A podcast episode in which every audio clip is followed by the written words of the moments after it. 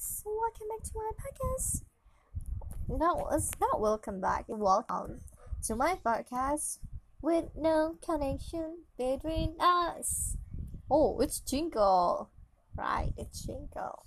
I can promise you that I will remember jingle. With no connection between us, or with no connection between us.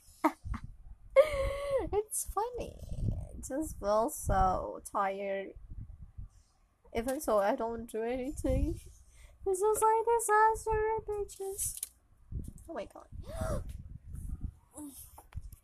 I just want to ask you, what are you doing in this Ramadan mood? So, are you cycling or being being so creative or being much beautiful or being more smart, more diligent, more friendly, make new friends, or just break your old relationship. So maybe it's happened, right? Moon to the moon to the years to the centuries. It's just like cyclists, like you run in the same ring, in the same circle, and this is staying there forever, forever, forever. But I want to start in that position forever. Just wanna uh, pop, pop, pop, pop, pop, pop, pop, pop, pop. I like something uh like stair, so it's it's look like good. Then the cycle, the circle housing, take so much fun of that. So, I just want to ask you once again, why are you hearing this podcast? It's so absurd. It's totally bullshitting these contents. And or just you wasting your time to hearing this abstract and this is wanna warning you that it will be make your ears say of it. I just wanna tell that. But I'm glad there is somebody that wanna hear my story.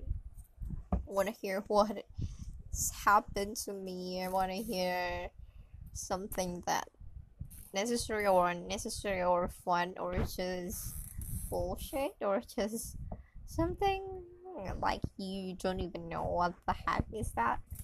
Just thank you so much because you're just being the best place ever in this fucking world. I don't know what else to say. It's like I'm drunk, but I'm not drunk.